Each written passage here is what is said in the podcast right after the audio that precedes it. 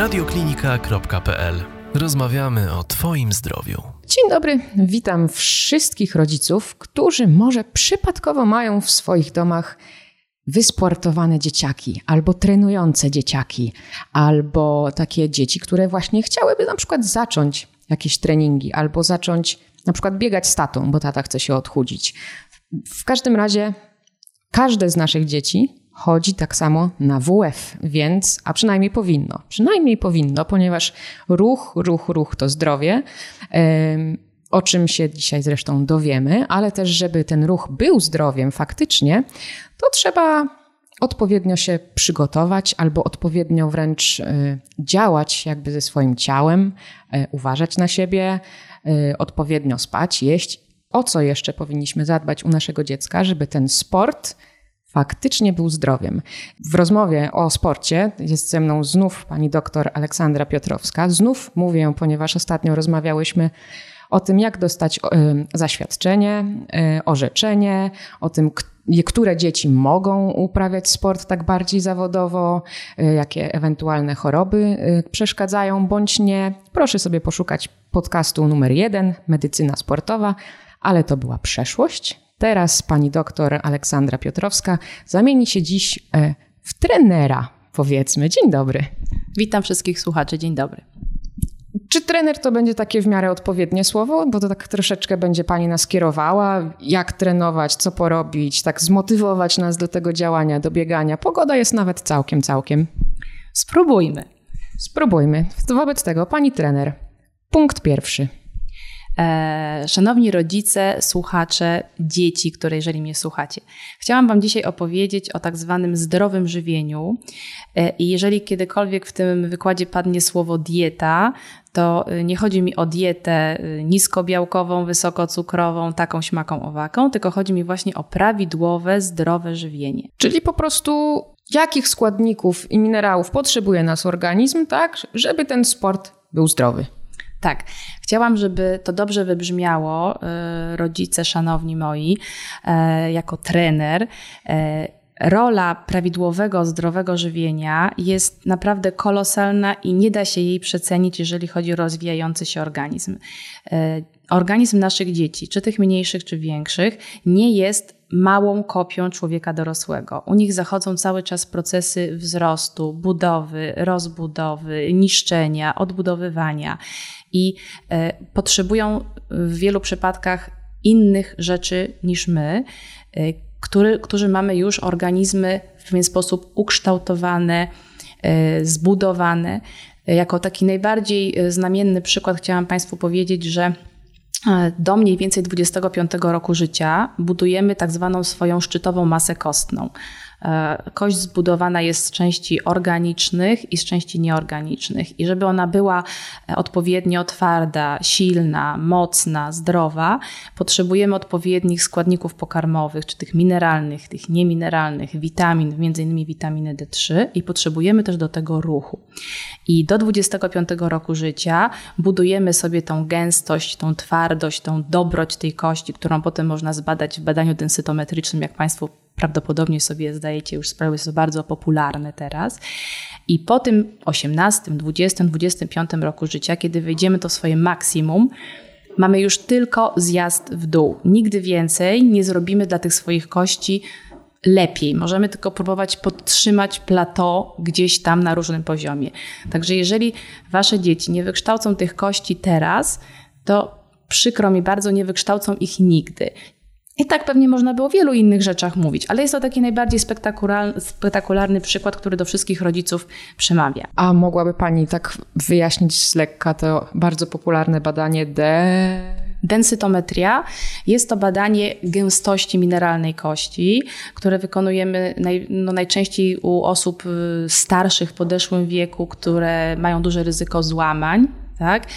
Ale też okazuje się, że teraz w naszym społeczeństwie, które źle się odżywia, które się nie rusza, coraz młodsze osoby mają nieprawidłowy wynik tego badania, czyli ich kości są podatne na złamania i no stąd Państwo na pewno słyszycie w wielu reklamach i telewizyjnych, i radiowych o molekinach i różnego rodzaju innych preparatach, które uzupełniają witaminę D3, uzupełniają wapń, uzupełniają witaminę K, 107 plus lub inne ich podobne odmiany. I to bardzo dobrze, natomiast to badanie samo mówi właśnie nam o tej gęstości. Nie ma sensu go wykonywać u dzieci czy u zdrowych osób, natomiast yy, no, trzeba pamiętać właśnie o tym, że ta kość buduje się za młodu i niestety potem możemy jej tylko trochę pomóc utrzymać status quo, natomiast nie jesteśmy w stanie jej poprawić. Czyli co robić, żeby później się nie uzupełniać? Chciałam swój y, ten, ten, te, te kilkanaście minut y, podzielić na powiedzmy pięć głównych części. Pierwsze chciałam powiedzieć o nawadnianiu związanym z treningiem, potem o tak zwanej strategii żywieniowej okołotreningowej, potem o najczęstszych niedoborach, yy, czyli o niedoborze witaminy D3 i żelaza. Na koniec wspomnieć krótko o bólach wzrostowych i e, takich najczęstszych schorzeniach ortopedycznych u dzieci, które uprawiają sport i zakończyć e, przedstawieniem Państwu tak zwanego dekalogu żywienia i e, nowości w piramidzie żywienia, które się ostatnio pojawiły. E, zacznijmy może od takiej, tego wstępu o, o tym żywieniu, dlaczego jest takie ważne jest ważne w kontekście prewencji wszystkich możliwych chorób cywilizacyjnych, otyłości, nadciśnienia, cukrzycy, miażdżycy itd., tak ale też chciałabym, żebyście Państwo jako rodzice zrozumieli, że prawdą jest to przysłowie, czym skorupka e, za młodu nasiągnie, tym na stałość trąci, trąci. My jesteśmy zobowiązani, żeby nasze dzieci pod naszym okiem i pod okiem trenera nabyły prawidłowych, dobrych nawyków żywieniowych na przyszłość. Tak? To, co, co teraz my im pokażemy, czego one się od nas nauczą, będą potem y, przenosić na przyszłość, tak? A jeżeli tego się nie nauczą, będzie im to trudno potem zaakceptować. To ja tylko tak zapytam. To nie dotyczy tylko dzieci, które trenują zawodowo sport. To dotyczy wszystkich dzieci, bo wszystkie nasze dzieci się ruszają, wszystkie biegają, wszystkie są w ruchu, prawda? Wszystkie chodzą właśnie na ten WF, o którym wspomniałam, wszystkie się rozwijają i prawdopodobnie wszystkie w przyszłości nie chciałyby się uzupełniać tymi tabletkami. Jak najbardziej. Dziękuję za, to, e, za tą właśnie taką e, dygresję. I tak, chciałam powiedzieć wyraźnie, dieta dziecka uprawiającego sport to jest ta sama dieta dziecka, które sportu profesjonalnie nie uprawia i uprawia tylko taką zwykłą swoją codzienną aktywność. Jest jedno tylko, jedna różnica. Jeżeli dziecko uprawia sport w miarę profesjonalnie, i tutaj są oczywiście różnice wśród ekspertów, ale nazwijmy to, że poza, poza WF-em uprawia ten sport przez przynajmniej 3-6 godzin tygodniowo, i oczywiście więcej to tym bardziej, zwiększa się jego zapotrzebowanie kaloryczne, czyli energetyczne. I to jest ta podstawowa różnica. I tak żeby Państwu dać, y, mm, jakby zakreślić skalę problemu. U dziewczynki uprawiającej sport, powiedzmy więcej niż te 6 godzin w tygodniu, Zapotrzebowanie kaloryczne potrafi się zwiększyć o 300-700 kilokalorii na dobę, a u chłopca o 400-500, ale nawet 1000 kilokalorii na dobę. I e, szanowne mamy, każda z nas, y, dbając o figurę, no, przelicza sobie te y, kalorie mniej lub bardziej, pamiętając w głowie o cyfrach 1500, 1800, no 2000 kilokalorii na dobę. A teraz posłuchajcie, chłopcy, którzy uprawiają sport około tych 6 godzin tygodniowo w wieku 10-12 lat, potrzebują najmniej około 3000 kilokalorii 13-15-latek to już będzie 3,5 tysiąca kilokalorii, a 16-18-latek to jest, mówimy o ilościach około 4 tysięcy kilokalorii, czyli to może być dwa, a nawet trzy razy więcej niż my. E, więc e, uświadomcie sobie, e, mamy, tatowie tak samo, ile to jest jedzenia, ale jak trudno też jest dać swojemu synowi, 16-letniemu, 4000 kilokalorii zdrowego, dobrego pożywienia, nie dając mu batonów, odżywek, cukrów i tak. To jest naprawdę wyzwanie, przed którym stoicie, żeby dać to pożywienie, które jest wartościowe. I e, druga rzecz, o której chciałam powiedzieć, że ewentualnie e, jaka jest różnica pomiędzy dietą dzieci zdrowych, dzieci zdrowych nieuprawiających profesjonalnie sportu, a te, które się nim zajmują, to jest zwiększone nieznacznie zapotrzebowanie na białko. Normalnie możemy przyjąć, że zdrowe dziecko, które chodzi tylko na ten WF i chodzi albo nie chodzi do szkoły na piechotę, e, potrzebuje około 1 gramka, gramu białka na kilogram swojej masy ciała na dobę. U dzieci, które uprawiają ten sport powiedzmy no, w miarę profesjonalnie, te kilka, e, kilka, kilkanaście godzin w tygodniu, to zwiększa się w przypadku większości dyscyplin do 1,2, może 1,4 grama na kilogram masy ciała na dobę. Ale nie znaczy to, że dzieci te potrzebują suplementów, odżywek białkowych i tych wszystkich rzeczy, które nas zawsze niepokoją, bo mogą zawierać to, tamto, siamto i wszyscy się o to boimy.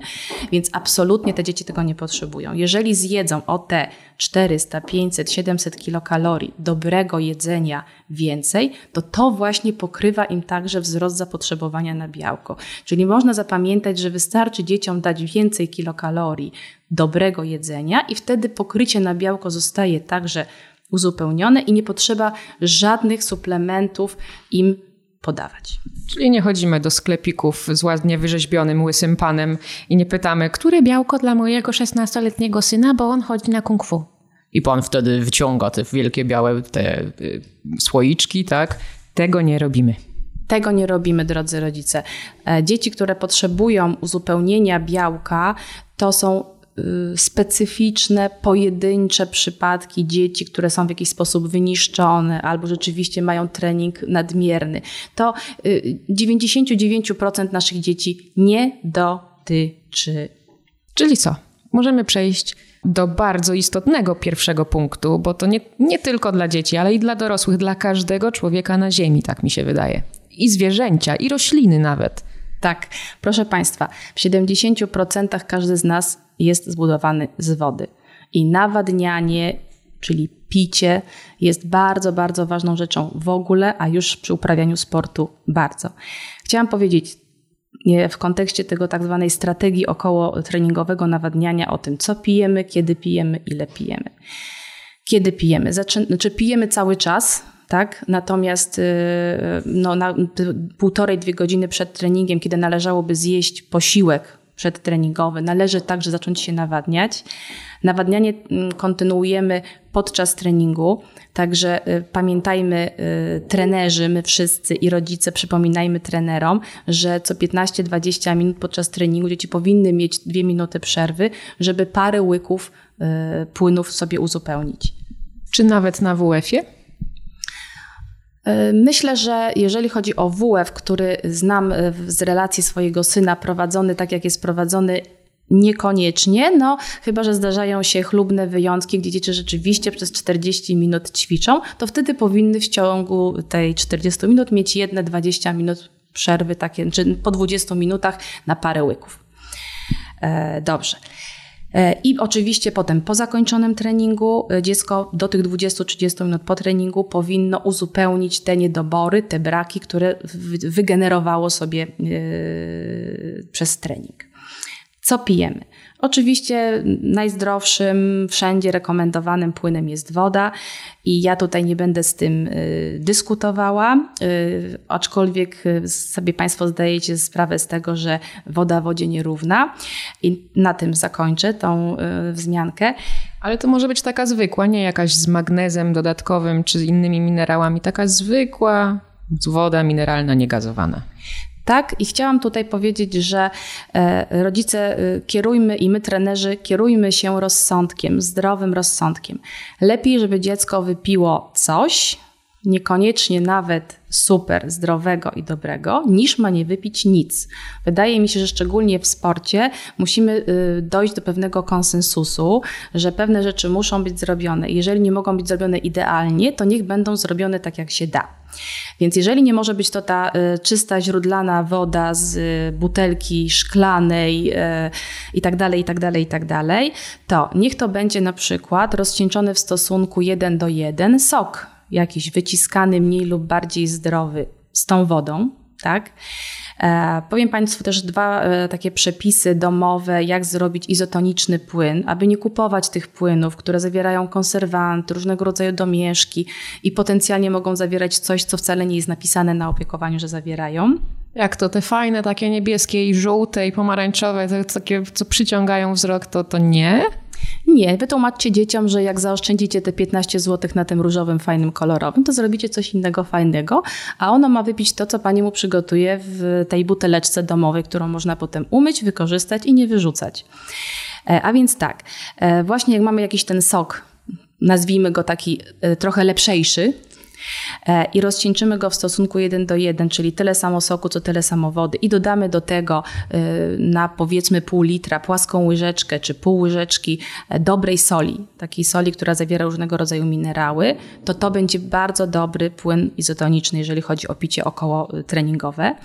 A dobra sól to jest kamienna, czy taka z Morza Martwego, czy himalajska, czy po prostu musimy po zobaczyć opakowanie i ile ona ma tych minerałów w sobie i to jest ważniejsze. Nie chcę tutaj wychodzić na eksperta, bo nim nie jestem. E, dochodzą do nas różne sygnały, że nawet te najlepsze, które nam się wydawało himalajskie, które mają mieć różnego rodzaju minerały, są produkowane tak, jak są produkowane. Wydaje mi się, że to też musimy się kierować zdrowym rozsądkiem. Chodzi mi o to, żeby nie była to zwykła sól taka spożywcza, yy, jodowana, chociaż nie mam nic przeciwko soli i yy, Natomiast jeżeli Państwo macie jakąś sól, która jest y, napisana, że jest solą mineralną, czyli może będzie miała oprócz NaCl trochę magnezu, trochę potasu, trochę jakiegoś manganu, czegoś innego, to pewnie jest lepsza. Ale znowu wracam do punktu patrz wyżej. Lepiej dać zwykłą sól niż nie dać nic. I na tym myślę, że tak się zawsze trzymajmy takiej reguły.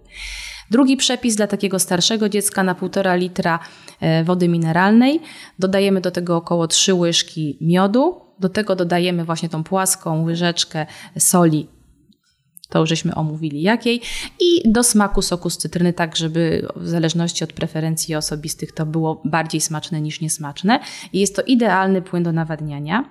I tu jeszcze jedną taką wzmiankę powiem. Ogólnie, jeżeli chodzi o piramidę zdrowego żywienia i o wszystkie zalecenia towarzystw kardiologicznych, gastrologicznych, dążymy do tego, żeby ludzie dorośli pili sol, pili wodę nisko zmineralizowaną, tak żeby nie dostawali za dużo tej NaCl, czyli soli, która obciąża ryzyko nadciśnienia, itd., itd., itd. Tutaj w przypadku sportu i młodych dzieci mówimy cokolwiek odwrotnie, tak? Czyli mówimy o tych wodach, nie szukajmy tych wód nisko zmineralizowanych, szukajmy wód normalnie zmineralizowanych, a nawet dla tych starszych, pocących się dzieci, to mogą być wysoko zmineralizowane. Co to znaczy wysoko zmineralizowane? Przynajmniej 1000 mg jonów na litr płynu a nawet są takie, które mają 1500, 2000. I nie szukajmy, co zawiera dodatkowo coś tam, tak jak powiedziałyśmy. Po prostu, żeby to było wysoko zmineralizowane, bo dzieci tracą jony z potem podczas wysiłku i my musimy właśnie te jony razem z tą wodą uzupełnić, na przykład po to, żeby dzieci nie miały skurczów. Bo jest to jeden z podstawowych pytań, tak, rodziców. No a ma te skurcze, co zrobić i tak dalej. Na te skurcze wpływa bardzo wiele różnych rzeczy, na przykład witamina D3 z wapniem, o której za chwilę powiemy, ale też te wszystkie jony i płyny, które trzeba uzupełniać. Czyli wiemy już, co pić, Wiemy też w zasadzie kiedy, że przed treningiem, troszeczkę w trakcie, po treningu uzupełniamy. A ile? Pani trener. E, normalne zapotrzebowanie e, na płyny w ogóle to jest około półtora litra na dobę, wliczając w to jogurt, zupę, wszystkie płynne rzeczy, tak? Natomiast trening, jeżeli jest intensywny, ma te 45-60 minut intensywnego treningu, potrafi zwiększyć zapotrzebowanie na płyny o 400-800 ml. Czyli dla takiego dużego szesnastolatka, który poszedł grać w koszykówkę na półtorej godziny, ta półtora litrowa butelka, której powiedziałam, naprawdę nie jest za dużo. Jeżeli mówimy o tych całych dwóch godzinach, które ma wypić przed, w trakcie i po. I jeszcze chciałam jedną rzecz powiedzieć. Dzieci tym różnią się od dorosłych, że ich e, zdolności termoregulacji i wyrównywania gospodarki płynowo-elektrolitowej są troszeczkę inne. Dzieci pocą się dużo mniej, szczególnie te młodsze, nie mówimy o tych starszych. Czyli one będą miały tendencję do przegrzewania się, szczególnie jeżeli mówimy o lecie, jeszcze słońcu i wysiłku. Pamiętajmy, dużo dzieci muszą wtedy pić. A druga sprawa, dzieci mają obniżone poczucie, jakby ten e, próg odczuwania pragnienia. Czyli jeżeli dziecko Państwu powie po treningu albo kiedykolwiek indziej, że chce mu się pić, że jest spragnione, to znaczy, że ono jest odwodnione. Dziecko, jeżeli już mówi, ono zgłasza, że mu się chce pić, to my musimy założyć, że ono już ma przynajmniej 2% masy ciała utracone, czyli jest odwodnione w naszych takich standardach e, medycznych. Jak sprawdzić, czy dziecko jest odwodnione poza tym, no, że zgłasza nam? Możecie Państwo zrobić najprostszą rzecz, jaką można, czyli dziecko ubrane przed treningiem wstaje na wagę, waży się i potem się waży po treningu, tak samo w tym ubraniu i wykonać prostą kalkulację, ile procent mu ubyło. Jak mu ubyło więcej niż dwa, to znaczy, że jest odwodnione. Jeżeli dziecko rzadko sika, dwa, trzy razy dziennie, a jego mocz jest żywo, taki mocno żółt i, i czuć zapach tego moczu, to to znaczy, że dziecko za mało pije. Więc pijmy naprawdę zdrowe napoje. Nie bójmy się tego, żeby to był nawet czasami ten sok. Lepsze jest coś niż nic. A ja jeszcze mam takie pytanie, nie wiem, czy to nam wejdzie do rozmowy, czy nie, ale wyczytałam, słyszałam, że ludzie często mylą pragnienie z głodem. Takie coś wyczytałam, że jak, że jak nam czasem, nie wiem, burczy brzuchu, to nam się wydaje, że jesteśmy głodni, a tak naprawdę organizm domaga się wody. Myślę, że otworzyła tutaj Pani przysłowiową puszkę Pandory, bo ja bym o tym mogła mówić bardzo, bardzo dużo. Jest to według mnie jedna z bolączek naszych czasów. My w natłoku informacji i bodźców, które dostajemy, zatraciliśmy zdolność wsłuchiwania się w nasze ciało, co nasze ciało od nas prosi. I e, na pewno tutaj mogę na to powiedzieć jedną rzecz, że jeżeli chce nam się pić czy jeść, to zawsze najpierw się napijmy. To jest podstawowa rzecz. W ogóle w większości y, tych diet, już teraz przez słowo dieta rozumiem pewne zalecenia dietetyczne, jest y, y, taka rozłączność. Na początku posiłku, przed posiłkiem pijemy, odczekujemy 3, 5, 7 minut, ile nam się uda, a potem jemy i podczas jedzenia i po jedzeniu nie pijemy już.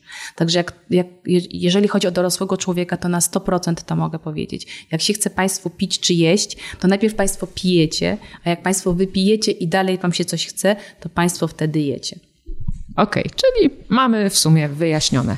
Dzieci piją, piją, piją, piją, dawajmy im wody ile wlezie i niech, niech nam nie mówią, że chce im się pić, no bo to już niekoniecznie dobrze. Pani trener, pani doktor, punkt pierwszy mamy z głowy.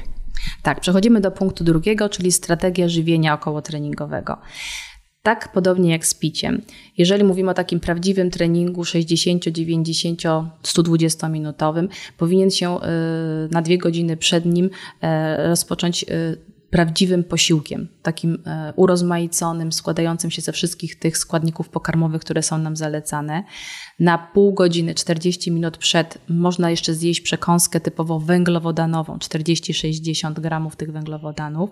Podczas treningu nie jemy. Natomiast po treningu do 20-30 minut po jego zakończeniu dziecko powinno zjeść posiłek regeneracyjny 200-300 kilokalorii, który uzupełnia braki glikogenu w wątrobie, bo dzieci mają e, bardzo ograniczoną ilość e, tych zapasów wątrobowych glikogenu. I jeżeli my ich nie uzupełnimy wtedy właśnie do tych 20-30 minut, kiedy one się pięknie wchłaniają i nam to wszystko uzupełniają, te, te braki, to dziecko po pierwsze będzie miało, podobnie zresztą jak z piciem, które nie będzie miało uzupełnione, będzie miało poczucie nadmiernego, niewspółmiernego do wykonanego wysiłku, zmęczenia, osłabienia, zniechęcenia do tego wysiłku.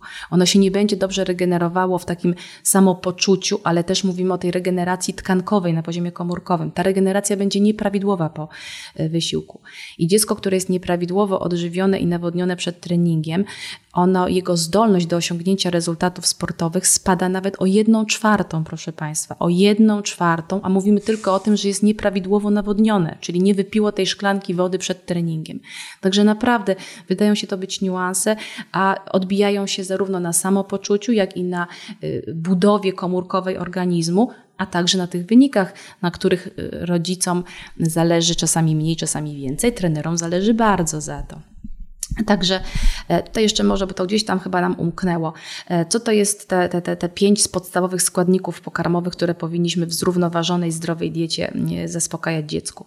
To są białka, to są węglowodany, to są tłuszcze, witaminy oraz sole mineralne. E, o białku chwilę powiedzieliśmy, prawda, o tym, że, że to zapotrzebowanie jest zwiększone, ale się uzupełnia zwiększeniem kalorycznym. Białko tak zwane pełne, czyli takie, które nam daje wszystkie aminokwasy egzogenne i endogenne, czyli te, które sobie sami potrafimy wybudować i tych, których nie umiemy wybudować, zawarte jest w takich rzeczach, tu sięgnę po ściągę, żeby nie było, że jestem taka mądra.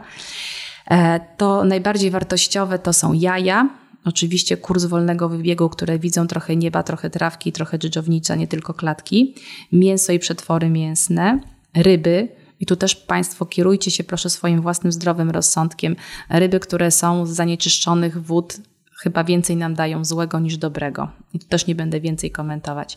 Następnie te pokarmy, które dają, y, są dobrym źródłem białka, to są mleko i wszystkie produkty mleczne, nasiona roślin strączkowych oraz orzechy, ale też w niewielkiej ilości. Tak? To nie przesadzajmy tutaj z tym. Jeżeli chodzi, białko powinno stanowić około 15% naszego zapotrzebowania kalorycznego. Głównym źródłem y, kilokalorii, czyli energii, są węglowodany. I to tutaj węglowodany złożone, tak? Kasze, ryże, makarony.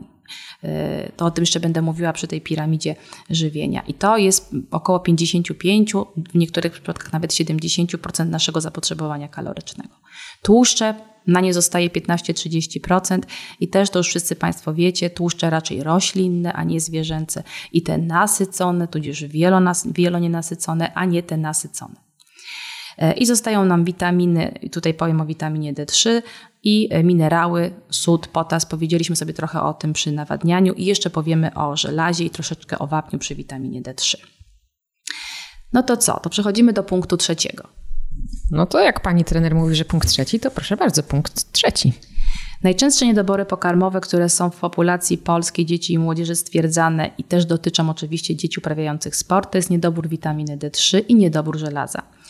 E, zacznę od mojej ulubionej witaminy D3 e, i nie będę ukrywać, że ją lubię, więc będę tutaj jednostronna i apodyktyczna.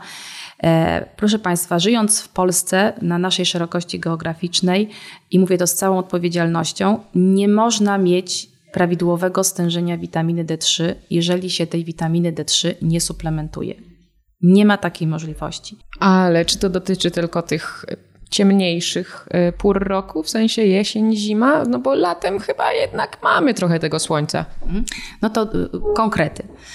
E, w naszej szerokości geograficznej e, synteza skórna pokrywa, pokrywa dzienne zapotrzebowanie na witaminę D3 w miesiącach od kwietnia, maja, to w zależności oczywiście od pogody, do września, października, ale, i tutaj są te szczegóły. Jeżeli jesteśmy na słońcu, czyli musi być słońce, między godziną 11 a 15, z odsłoniętymi rękami i nogami, nie posmarowani żadnymi filtrami, i to jeszcze między 30 a 2 godziny, w zależności jaka jest ta pogoda, gdzie jesteśmy, jaki jest kąt padania promieni słonecznych. Proszę Państwa, nie ukrywajmy. Jesteśmy wtedy my dorośli w pracy, a dzieci nasze w szkole, więc promienie słoneczne nie muskają naszej skóry w rejonach, o których przed chwilą powiedziałam. Możemy się umówić, że na wakacjach Państwo sobie o witaminie D3 zapominacie, chociaż wcale nie jestem z tego szczęśliwa, ale tak się możemy umówić. Natomiast nie ma żadnej innej dyskusji, że można tą witaminę D3 sobie wysyntetyzować w skórze w innych porach roku. E, I teraz tak. Ogólnie rzecz biorąc, y, po pierwszym roku życia, czyli o tych dzieciach uprawiających sport, o których tutaj mówimy, zapotrzebowanie, to, to, to ile powinniśmy dawać dzieciom w suplementacji, to jest między 800 a 1200 jednostek międzynarodowych witaminy D3 na dobę. Czy należy sobie badać poziom e, witaminy D3 we krwi? A to jeszcze zanim do ten poziom, y, są różne witaminy D3 na rynku. Czy ta jakaś wchłanialność, że one mają jeszcze jakieś dodatki, a te są z tym i tamtym, a te są w ogóle jakieś super, hiper kosmiczne. Czy to ma znaczenie, żebyśmy też słuchali tych jakichś dodatkowych minerałów, które nam pomagają się wchłaniać i tak, i tak dalej, i tak dalej? Czy po prostu mamy się skupić na tym, żeby to była najprostsza witamina D3 dla dzieci pomiędzy 800 a 1200? Tutaj pewnie nie będę popularna w tym, co powiem, e, ale posłużę się po pierwsze takim przykładem mojego mechanika samochodowego, jako jestem trenerem. E, to, e, panie mechaniku, mam sobie kupić opony zimowe, czy opony letnie, czy też całoroczne. A pan mechanik, nie przybierając słowach, mówi, że te całoroczne to mm, mm, nadają się do. Mm, Więc proszę państwa. Czyli zasada, że jak do wszystkiego, to do niczego. Jak do wszystkiego, to do niczego. Tak. I jak za dużo wrzucimy do wora, to nie wiadomo, co się potem z tym stanie.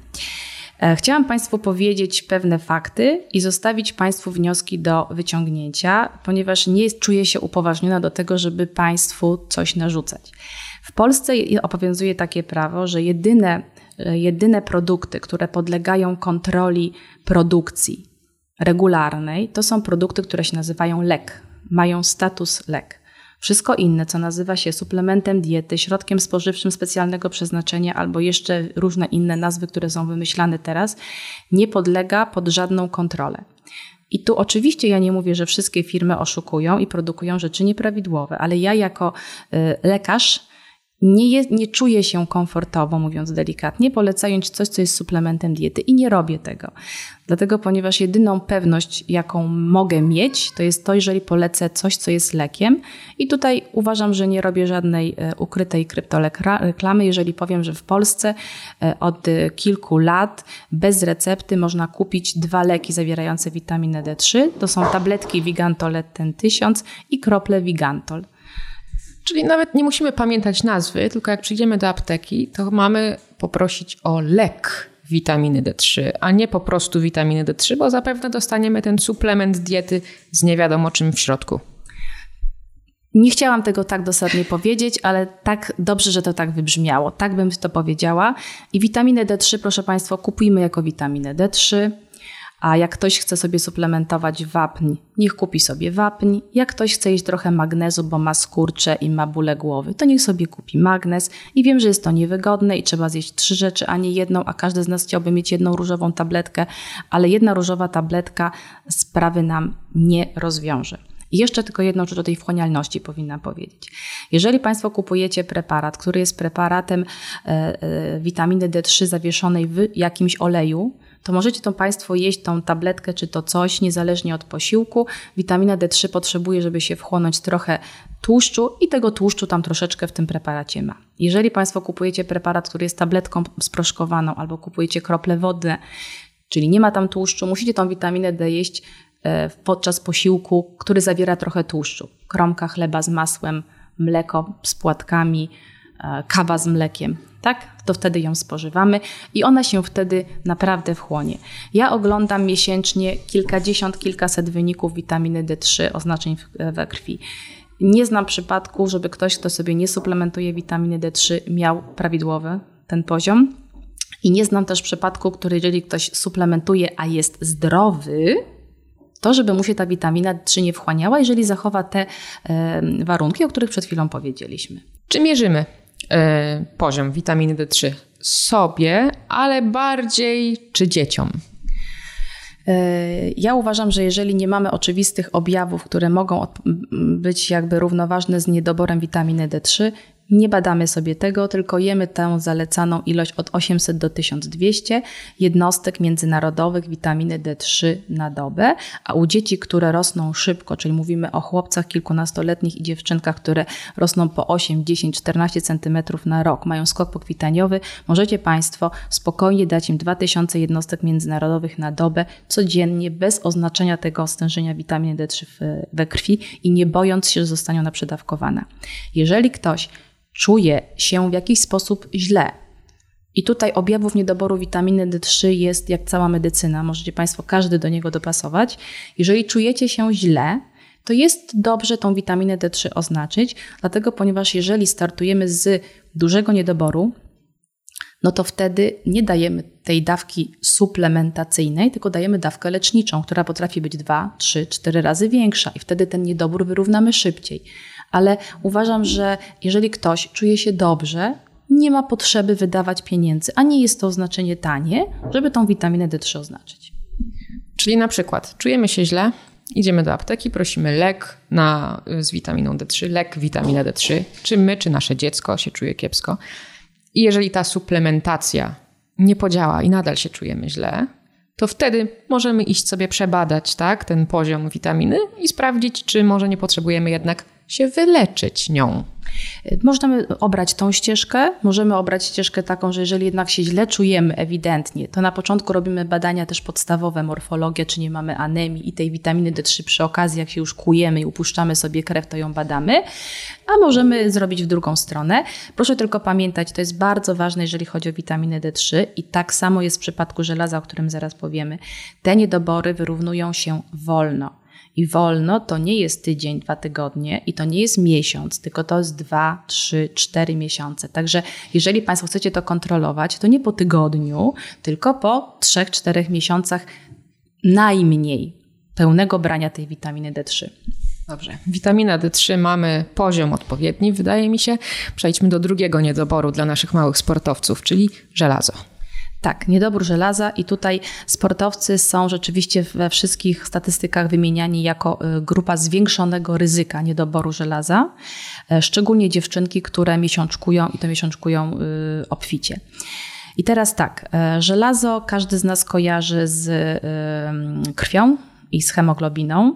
I nasz organizm działa w ten sposób, że y, żelazo wyciągnie z każdego miejsca naszego organizmu po to, żeby wybudować krew. I e, jest to ostatnie miejsce, w którym, jak nam brakuje żelaza, zaczynamy widzieć jego niedobory. Przez co rozumiem, że można mieć dobrą morfologię krwi, czyli mieć dobre wartości hemoglobiny, hematokrytu, erytrocytów, objętości kwinki MCV, a mieć już niedobór żelaza. Jeżeli chcecie Państwo stwierdzić, czy ten niedobór żelaza jest, czy nie, to tu akurat rzeczywiście no, konieczne jest wykonanie oznaczenia.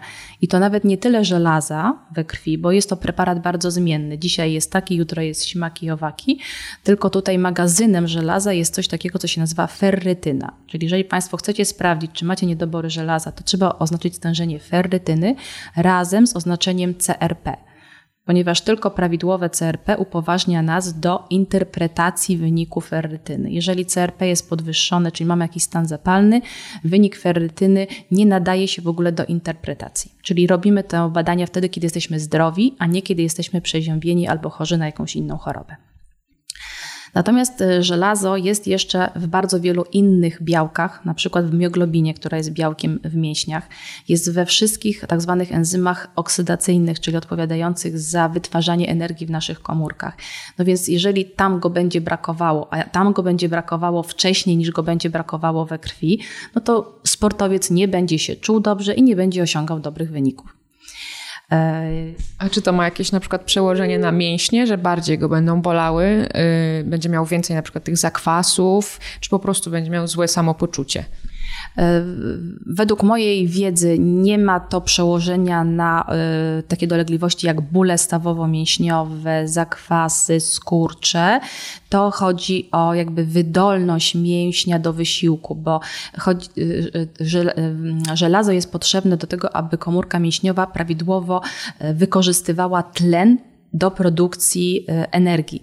Więc tego w taki sposób jakby namacalny nie jesteśmy w stanie e, stwierdzić. Niedobór żelaza, kolokwialnie mówiąc, nie boli, podobnie jak wysoki poziom cukru, czyli cukrzyca też nie boli. A to będzie takie, nie wiem, bardziej zmęczenie, tak? Takie kiepskie samopoczucie, zmęczenie, że trochę nam się nie chce, tak? Że ten trening to taki, och Jezu, jak wejście na Kilimandżaro albo coś takiego, tak? Tak. Tak, takie ogólne. Niektóre dzieci mówią, że są po prostu zmęczone, rodzice albo trenerzy zauważają, coś z nim jest nie tak. On jest generalnie zdrowy, tak, ale on już tak jakby mu taki balonik z upuszczoną parą, tak? To, co nie jest, nie jest w pełni swoich możliwości. E, I teraz jeżeli chodzi o żelazo. Mm, można oczywiście mm, dostarczać jakoś żelazo w pożywieniu, ale tutaj też chciałabym powiedzieć, że jeżeli ktoś ma niedobór żelaza, to według mnie trudno będzie uzupełnić ten niedobór żelaza tylko i wyłącznie jedząc zdrową żywność, czyli wszystkie te zielone części roślin, jarmuże, szpinaki, y, awokado, y, oczywiście tak, zwany, tak zwane żelazo chemowe, czyli pochodzące z mięsa, no ale tutaj mówimy o takim mięsie jak wątróbka i krwisty stek wołowy, więc rodzice drodzy, jeżeli macie takie dzieci, które to jedzą, to bardzo Wam gratuluję i zazdroszczę. Moja córka kocha steki. Gratuluję. Natomiast y, myślę, że realnie rzecz biorąc, jak mówimy, jak mówimy o kimś, kto nie ma niedoborów, to oczywiście jemy dobre jedzenie, żeby tam było w nim żelazo, a jeżeli ktoś ma niedobór, musi to żelazo uzupełniać. E, z wszystkimi oczywiście konsekwencjami. Każdy z nas wie, że preparaty żelaza najczęściej powodują jednak ból brzucha, zaparcie, to mnie boli, tam to mnie boli, już tego nie chcę jeść. Preparaty żelaza są częściowo na receptę, są też preparaty bez recepty. Tutaj wydaje mi się, że to przekracza już ramy naszej rozmowy. To jest coś, co powinno być uzgodnione z lekarzem pediatrą lub lekarzem internistą, który nas pokieruje co ile i jak często to y, kontrolować. Aczkolwiek też pamiętajcie Państwo, czekamy przynajmniej 2-3 miesiące i leczenie niedoboru żelaza to jest minimum 3 miesiące podawania żelaza. no my tutaj się nie chcemy leczyć, tylko my zapobiegamy, pani trener, pani doktor, więc y, na rozmowę o żelazu może jeszcze przyjdzie czas, w sensie takim o leczeniu tego niedoboru, y, ale chyba wydaje mi się, że poziom żelaza już też mamy odpowiedni. Wysyciliśmy się już żelazem, możemy przejść do punktu numer cztery. Chciałam bardzo krótko wspomnieć o tak zwanych bólach wzrostowych i najczęstszych dolegliwościach, z którymi ja się spotykam, takimi no, tych, tymi poważniejszymi, jeżeli chodzi o układ ruchu, czyli o um, tak zwanych jałowych martwicach kości u dzieci. Jeżeli chodzi o bóle wzrostowe, e, no najczęściej powinny występować u dzieci, które szybko rosną, jak sama nazwa mówi. Bardzo często, jak zapytamy się rodziców i dziadków, to w rodzinie po prostu jest taka historia, że dzieci rzeczywiście zgłaszały te bóle. Klasyczne bóle wzrostowe to są bóle kończyn dolnych. Dzieci pokazują albo tutaj na podudzie, tak jak jest piszczel, czyli jadą ręką między kolanem a stopą, albo pokazują na kolano, albo pokazują pod kolanem, raczej w godzinach popołudniowych, wieczornych. Czasami nawet zdarza się, że je wybudzą w nocy. Ale jednak najczęściej jest tak, że jak mama pomasuje, popieści, przytuli, to ten ból, tudzież odczucie bólu dziecięcego znika. A czy na przykład jakaś maść, y, jak już masujemy, to czy jakąś maść bardziej rozgrzewająca, czy taka schładzająca, bo są dwa rodzaje? Tak tak y, jak mówimy o sporcie, proszę pamiętać, że jak Państwo nie wiecie, co możecie zrobić, to zawsze zimnym. Zimnym nigdy nie zrobicie krzywdy, a ciepłym niestety możecie zrobić krzywdę. Więc jak macie wątpliwość, to zimnym. To tak ogólnie, jeżeli chodzi o sport i kontuzje i wszystkie bóle stawowo-mięśniowe. Y, jeżeli chodzi o, o, o leczenie tych bóli wzrostowych, y, to niektórzy rzeczywiście wymagają podania leku przeciwbólowego i tutaj tak się zdarza i czasami trzeba go dać. Natomiast jeżeli Państwo już masujecie, to też trzeba zrobić trochę tak zwaną psychoterapię i posłużyć się na przykład, tutaj też nie robię żadnej kryptoreklamy, jest mi znana taka maść, która się nazywa Perskindol.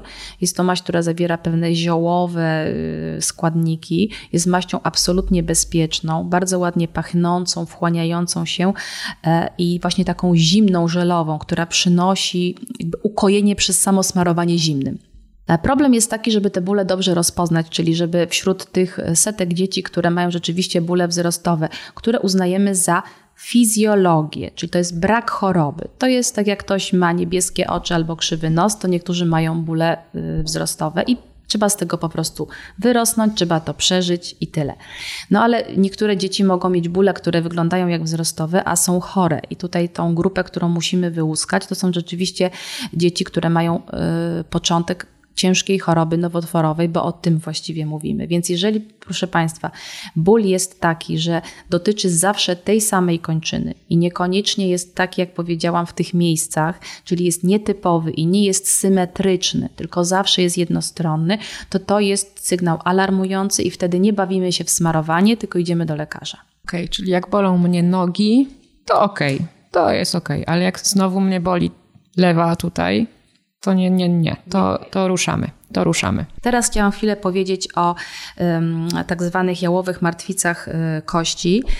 Są to mm, choroby y, kości u dzieci rosnących, czyli też dotyczą tylko i wyłącznie szkieletu rosnącego które wynikają z nie do końca poznanych przyczyn, ale y, upraszczając sprawę, po prostu pewna część kości jest niedokrwiona. Jak jest niedokrwiona, to po prostu jakby obumiera, tak? dlatego stąd nazwa martwica.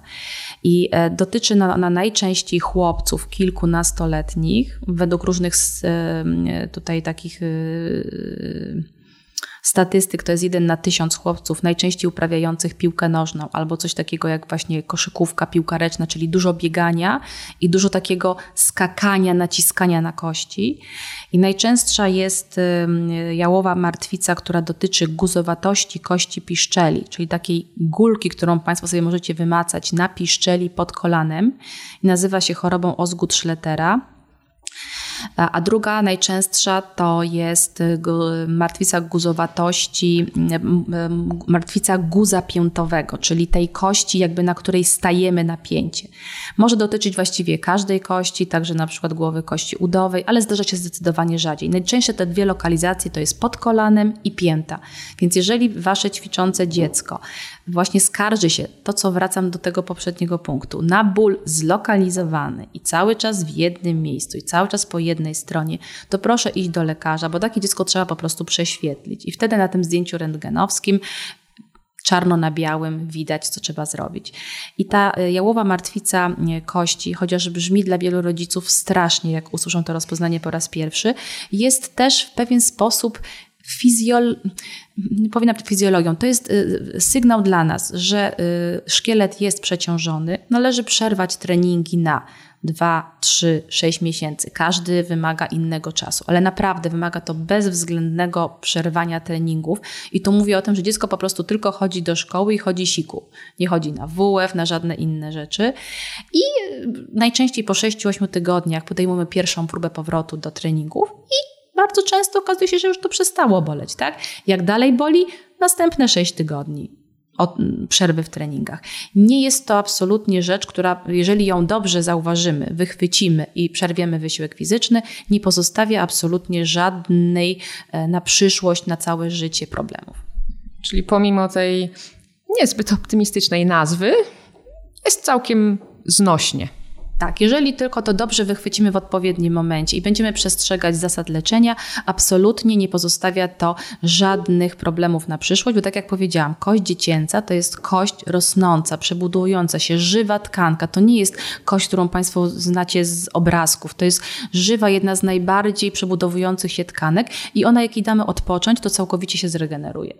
To ja jeszcze tylko może wspomnę, bo tak mi się wydaje, że po takich sześciu tygodniach przerwy w treningu, to i rodzic, i trener, i to dziecko będzie chciało szybko nadrobić, więc nie forsujcie się, bo znowu na sześć tygodni usiądziecie na ławce, więc spokojnie, wracamy spokojnie. Mam rację, pani trener? Tak, a ci, co wysłuchali ostatniego mojego wykładu, pamiętają, że należy udać się na tak zwane badanie kontrolne, aby uzyskać ponownie zdolność do uprawiania sportu.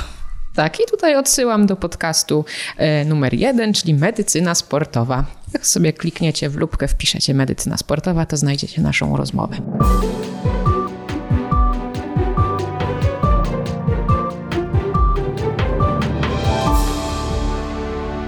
Więcej audycji na stronie radioklinika.pl